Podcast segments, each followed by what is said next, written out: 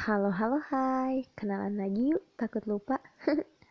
Kenalin, nama saya Fasya Pariha Azhara.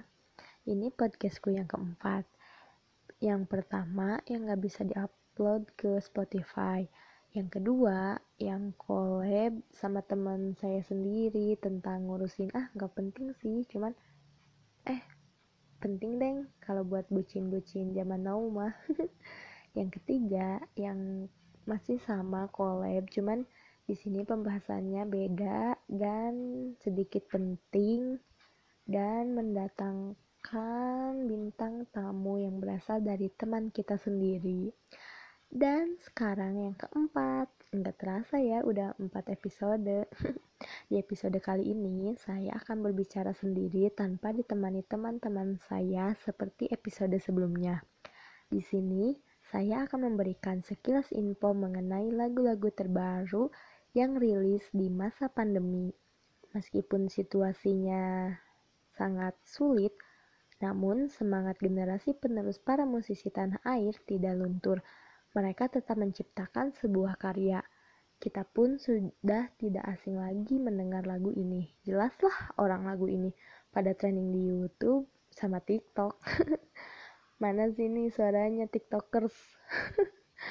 Pasti kalian gak aneh lah sama lagu ini mah. Lagu galau ala-ala Indonesia gitu. Tiga lagu galau yang trending cek. Aku mengerti perjalanan hidup yang kini kau lalui. Ku berharap Meski berat kau tak merasa sendiri. Kau telah berjuang Menaklukkan hari-harimu yang tak mudah.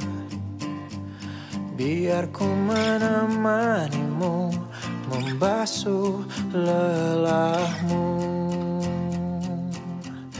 Izinkan ku lukis senja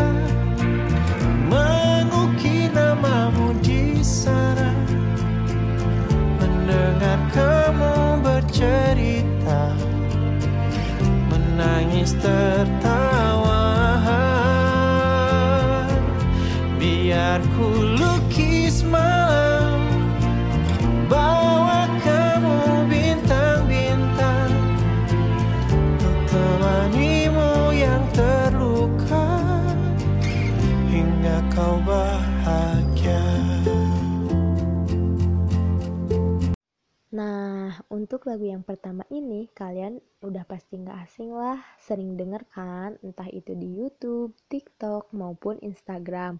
Karena lagu ini tuh sering dipadu-padankan dengan video-video ala-ala senja gitu.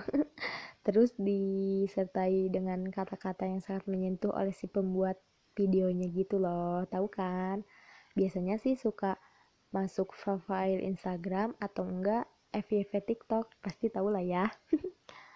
Lagu ini dibawakan oleh Budi Doremi. Siapa sih yang gak tahu Budi Doremi? yang berjudul Melukis Senja, dirilis perdana pada 29 Juni 2020. Faktanya, video klip ini telah diputar lebih dari 22 juta kali oleh pengguna di YouTube. Berbeda dengan tembang-tembang sebelumnya yang lekat dengan kesan ceria dan cinta, melukis senja ini memberikan nuansa sangat menyentuh. Cocok tuh buat kalian pada yang lagi galau. Lagu ini sedikit menjelaskan bahwa hidup tidak sesederhana yang dibayangkan. Meski liriknya begitu sederhana dan rima yang indah menjadi ciri khas Budi Doremi. Topik dalam lagu ini tentang seseorang yang mau menemani orang lain menghadapi masa sulitnya. Orang yang relatable dengan siapa aja sih, tidak melulu harus ke pasangan. ya intinya perjuangan dan pendampingan gitulah.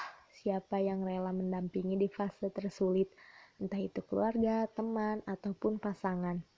Bukan tanpa konteks rupanya Lagu ini juga berangkat dari pengalaman pribadinya loh.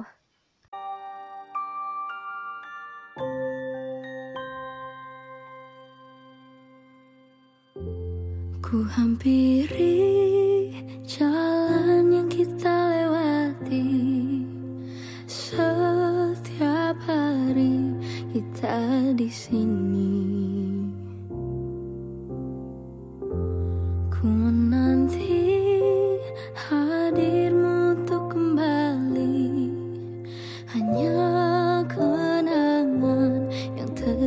Tersisa di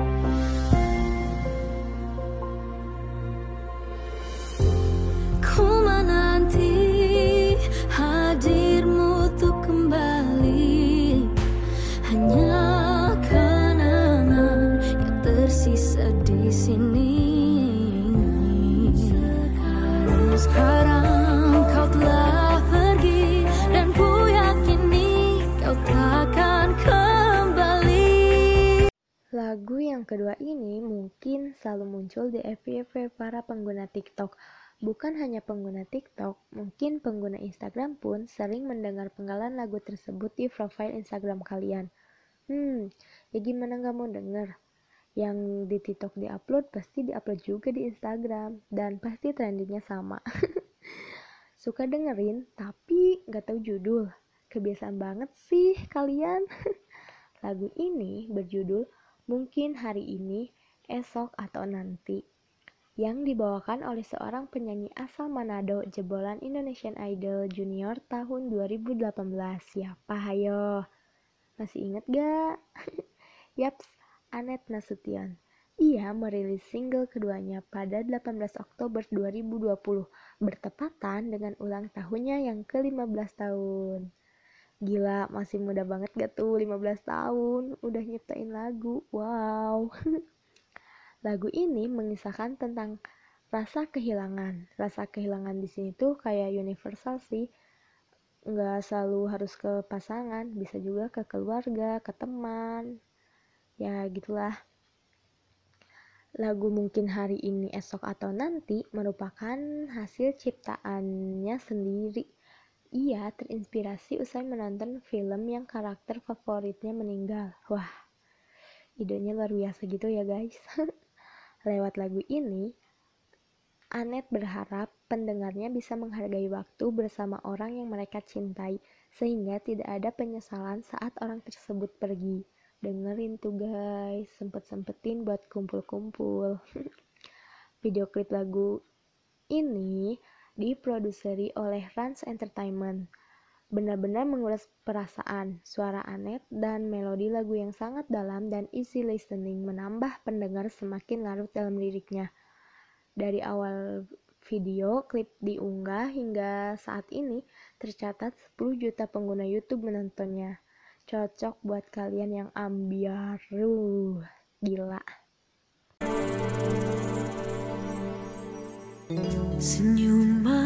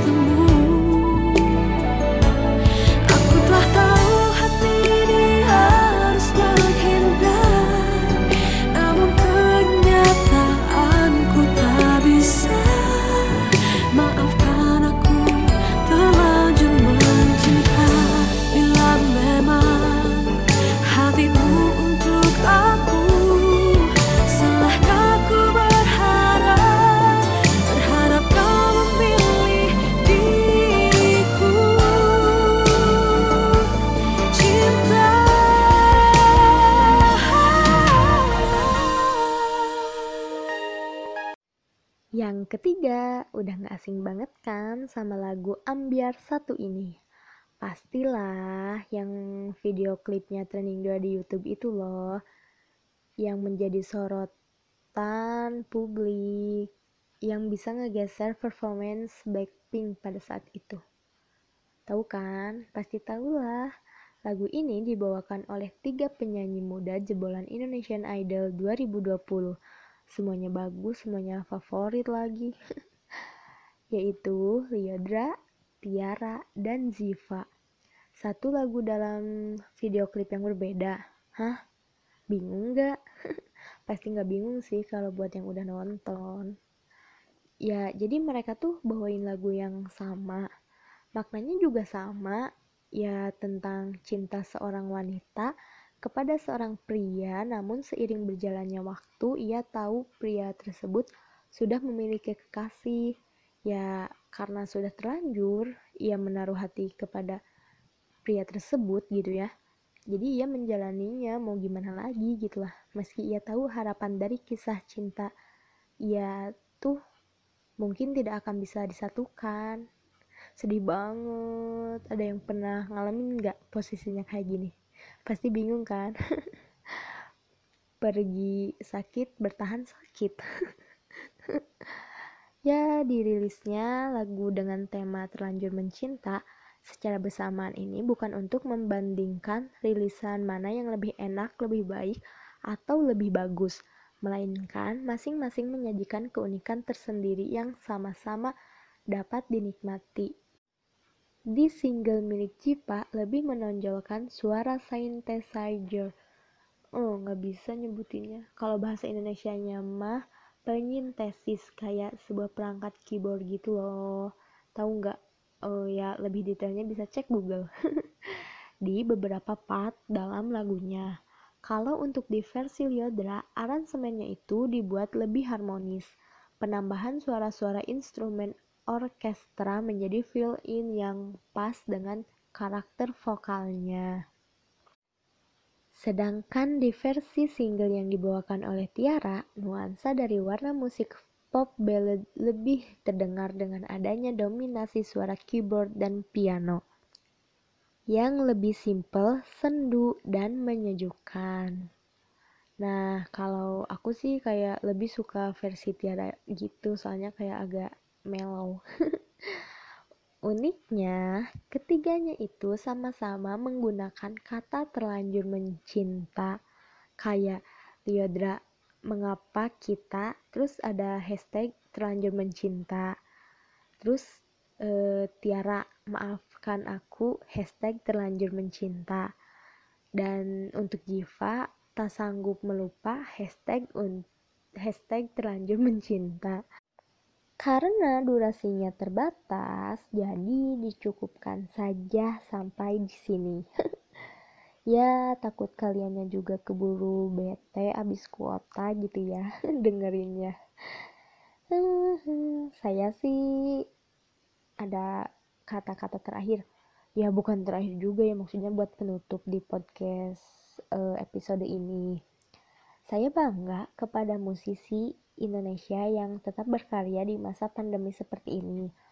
Soalnya proses rekaman dan pembuatan video klip di masa pandemi yang super rumit, rumit, rumitnya ya mungkin tantangan pertama kali bagi mereka apalagi penyanyi-penyanyi muda penerus di Indonesia. Jadikan pengalaman menarik dan pembelajaran untuk bekal ke depannya. Tidak pernah berhenti untuk terus berkarya, munculkan inovasi-inovasi meski sedang pandemi, tetap membuat karya yang mampu dinikmati oleh penghuni dunia. ya, sekian intinya kayak gitu. Pokoknya tetap semangat dan semoga pandemi ini cepat teratasi dan kembali normal. Amin. See you next my podcast. Bye bye.